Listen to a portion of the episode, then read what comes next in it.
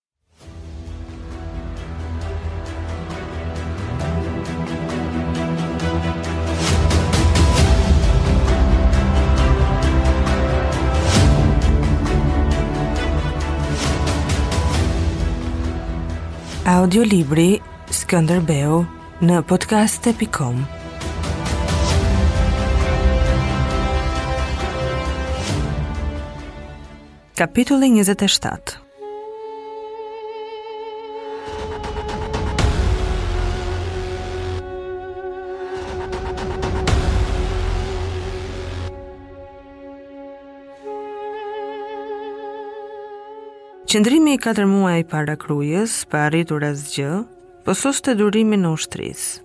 Nuk kishte as pushtime, as plaçkë fitoreje, me të cilat të mbahej dhe të ecte përpara ushtria e madhe.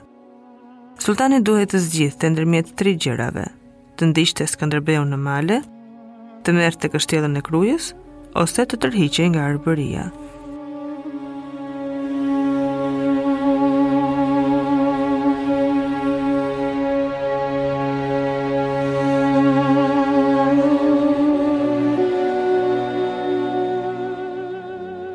Skënderbeu nuk mund të ndiqej në malet e larta se ai Këtë kërkonte dhe nuk mund të sulmohej në kampin e tij në Sari Salltik, një pllajë e lartë sipër malit shkëmbor të Krujës, që mund të arrihej vetëm nëpërmjet ndonjë shtegu të vështirë edhe për dhitë.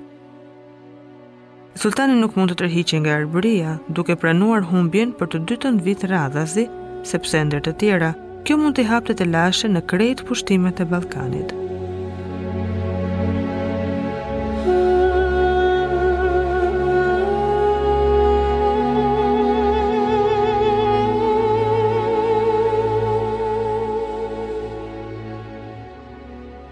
Sultani bëri të vetmen gjë që dukej e mundshme, më 12 shtator, u ngjit për herë të tretë në Krujë. Kështjella ishte larë nga shiu dhe shndriste në diell, e rrënuar në disa pika. Topat heshtën dhe ushtarët zbritën poshtë. Lutja e madhe e mëngjesit, thirrjet e imamëve që u premtonin dëshmorëve peritë e qiellit dhe rininë e përjetshme, kishin rënë në hapësirë. Ushtarët ishin të llangosur nga balta që solli rrebeshi i papritur i shiut gjatë dy ditëve. Ata kishin punuar rëndë për të hapur brenda, dhe rreth kampit vijat kulluese. Kështjella që po sulmonin, u kishte dalë në rrugë si një mallkim i Zotit. Ushtarët po bindeshin se nuk do ta pushtonin edhe sikur të shembeshin muret deri në themele. Këmbëkryq me bërrylat mbi gjunjë, sultani përpiqej të fitonte mbi gjymtyrët e tij dhe ushëtimat e veshëve. Hija e çdo trupi, që i kalonte pranë, e godiste me valë sikur të kishte humbur mburojën që i jepte natyra një qenieje të gjallë. Ne i përkasim Zotit dhe tek ai do të kthehemi, mërmëriti sultani. Kjo frazë e Kuranit që i erdhi nga jashtë, ia ftohu djersët. Ai ishte i sëmurë, po bënte një përpjekje të fundit për t'ia fshehur ushtrisë sëmundjen e tij të rëndë. Ushtria ishte ngjitur lart si një kafshë e goditur, e zbehur nga gjaku i humbur, e baltosur, pa dëshirë dhe pa fuqi dhe u plas mbi kështjellë, tamam si kafsha që kthehet në gjurmët e gjakut të saj.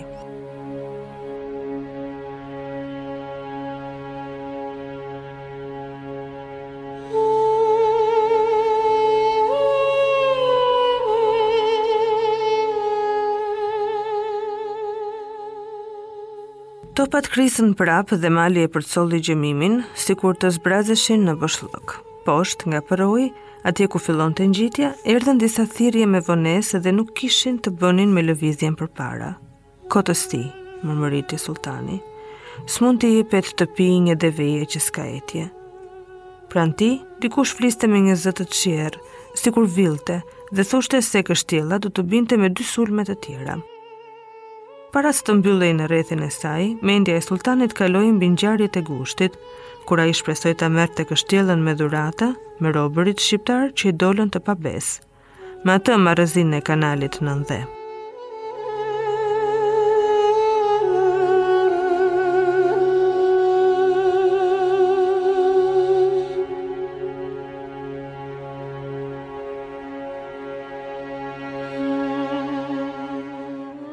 Tani nuk i duhej gjë edhe sikur të binin të gjithë kështjellat veç ta linin të qetë. Po vezirët, agallarët e ushtrisë, jeniçerët, kërkonin që ai të mbahej qoftë edhe i vdekur, derisa të merrej kështjella dhe të kthehej me triumf në Edrene. Ai ishte një skllav, në fron, pa shpëtim dhe pa shpresë. Duhej të luante në atë fron për së gjalli, ashtu si kishte luajtur i ati i vdekur. Koka i ra mbi gjoks dhe filloi të qeshte me vete. Pushteti dhe madhështia që rrethonin fronin ishin një gënjeshtër e mirë. Ai kishte shkrirë trupin në luftëra dhe kishte gjymtuar trurin. Ishte mbuluar me gjak, me krime të llahtarshme për t'i shërbyer forcës së verbër që e shtynte gjithnjë përpara. Një kurth, një lodër e mirë, gënjeshtra më e madhe e botës. E qeshura brenda vetes rritej dhe ai dëgjonte vetëm rrahjen e zemrës dhe buçitjen e gjakut në tëmtha. Për tri orë, sulltani qëndroi pa lëvizur, ndërsa kështjella tërhiqej në mjegull. Në qendërzën e trurit të tij zgjerohej zona e asnjanësisë, që e bënte të pandjeshëm ndaj njerëzve dhe poterës së luftës. Në atë fushë të asnjanësisë kalonin dhe asgjësoheshin në kotësi mendimet si taborë, dhe ai e ndiqte këtë betejë të trurit me asgjësim. Kjo ishte një ndjesi e përsëritur disa herë në ata katër muaj të qëndrimit në Krujë, dhe ai jepej pas saj me dëshirë. Nga përroi i thellë, erdhën prap thirrjet e mekura të ushtarëve. Sultani u përkul edhe më tepër mbi veten.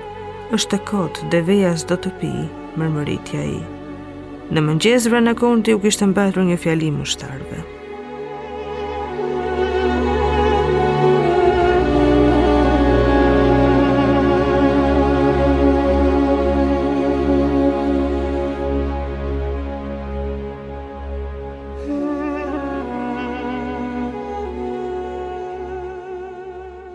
Këtu qëndrojnë burrat trima të Arbërisë dhe i bëjnë ballë fuqisë më të madhe të botës. Këtu ka bërë vend shpirti i lavdisë së shekujve të shkuar. Nga krahët tanë varet shpëtimi i vendit. Sot do t'i japim sulltanit betejën e fundit. Ata e kishin parë me habi se s'kishte mbajtur ndonjëherë fjalime. 1300 ushtarë me sy të thelluar, të dehur nga lodhja e një lufte në rrethim që po zgjaste prej 4 muajsh, një pjesë me plagë në trup, të ushqyer vetëm me bukë e mish të kripur, dëgjonin komandantin. Ushtarët përpiqeshin të shihnin në sytë e tij, por ai ishte larg. Rrinte me trupin e gjatë, me plagët e fshehta, Në parmakun e shkallës dhe prej andej, përhapeshin tingujt e zërit të tij. Secili në çetë të zgjedhë njëzet më të shëndoshët dhe t'i dërgojë te porta. Do t'i tregojmë sulltan Muratit se po të duam, mund edhe të zbresim nga muret. Ai tha njëzet më të shëndoshët, Nuk tha më trimat. Çetat u ndanë veç me kapitenët, bënë zgjedhjen dhe i dërguan te porta. Pastaj u kthyen në mure dhe pritën, të shqetësuar nga gëzimi i jetës. Komandanti po çonte jashtë më të shëndoshët, që donte të thoshte se nuk do të vdisnin në rrethim. Ajo mund të ishte dita e fundit e luftës.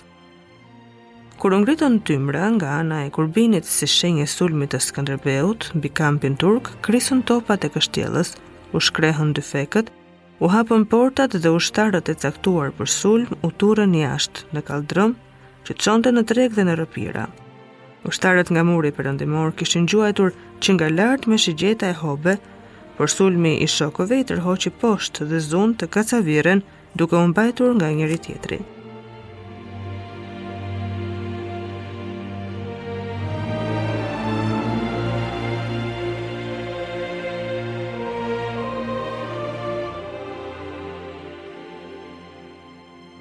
Vrana Konti ulëriti sa u tërbua. Eci rrëzë mureve me ngulçim, me shpatën në dorë dhe i kërcënoi ushtarët, se do t'u priste kokat po të lëviznin vendit. 300 ushtarët që kishte dërguar jashtë nuk duhej të shkonin më tej se bregu i qytetit. Sultani ishte habitur nga hapja e portës së kështjellës, i hipi kalit dhe ecën në rrugë që çonte në qytet dhe të shihte nga afër. Ata ishin një turmë malësorësh me sëpata e shtiza me flokë mbi supe që thërrisnin me egërsi. Kishin pushtuar tregun dhe po ngjiteshin lart, si druvarë që duan të shkulin pyllin. Akinxhinjtë të zëtë në befasi, po tërhiqeshin duke lënë mbrapa të plagosurit. Sultani mendoi se ajo ishte një dalldi e komandantit të krisur të kështjellës, po mund të ishte edhe një kurth i tij. Poshtë në fushë, Skënderbeu po sulmonte kampin. Sido që të ishte, duheshin rrethuar malësorët dhe ndofta kjo mund të çonte në një sulm të fundit për marrjen e kështjellës. Rreth sultanit u dyndën jeniçerët dhe ai ndjeu një dashuri të papritur për këta, skllevër të portës së lartë, të gatshëm të jepnin jetën për të. Sultanit po i vërshonte në gjak vullneti i vjetër. Nga kështjella ranë brirët me ngut. Malësorët nisën të kthehen mbrapa me koka të prera, majë shtizave dhe shpatave. Me kthimin e tyre kështjella zbrazi topat si për hare dhe mbylli portat. Nga muret u ngritën thirrje të egra të përgjakta. Kthehemi në kamp, të ndjekim të pabesët. Kështjella nuk i ka ditët e gjata, thirri sultani, me zërin e dikurshëm të lartë që kërkonte bindjen dhe nënshtrimin e gjithkujt.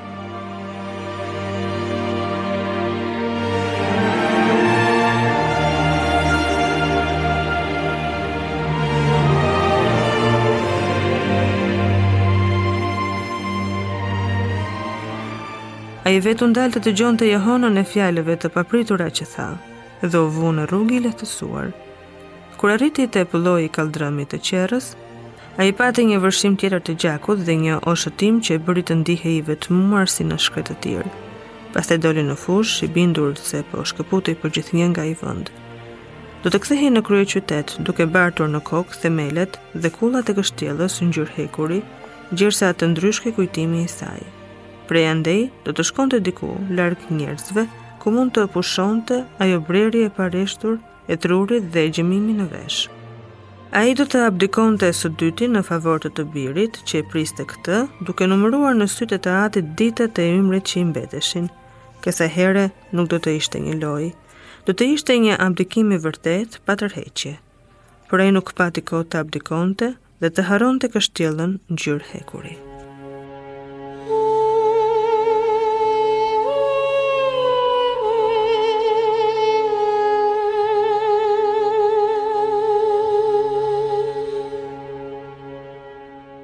Audiolibri Skënderbeu në podcast.com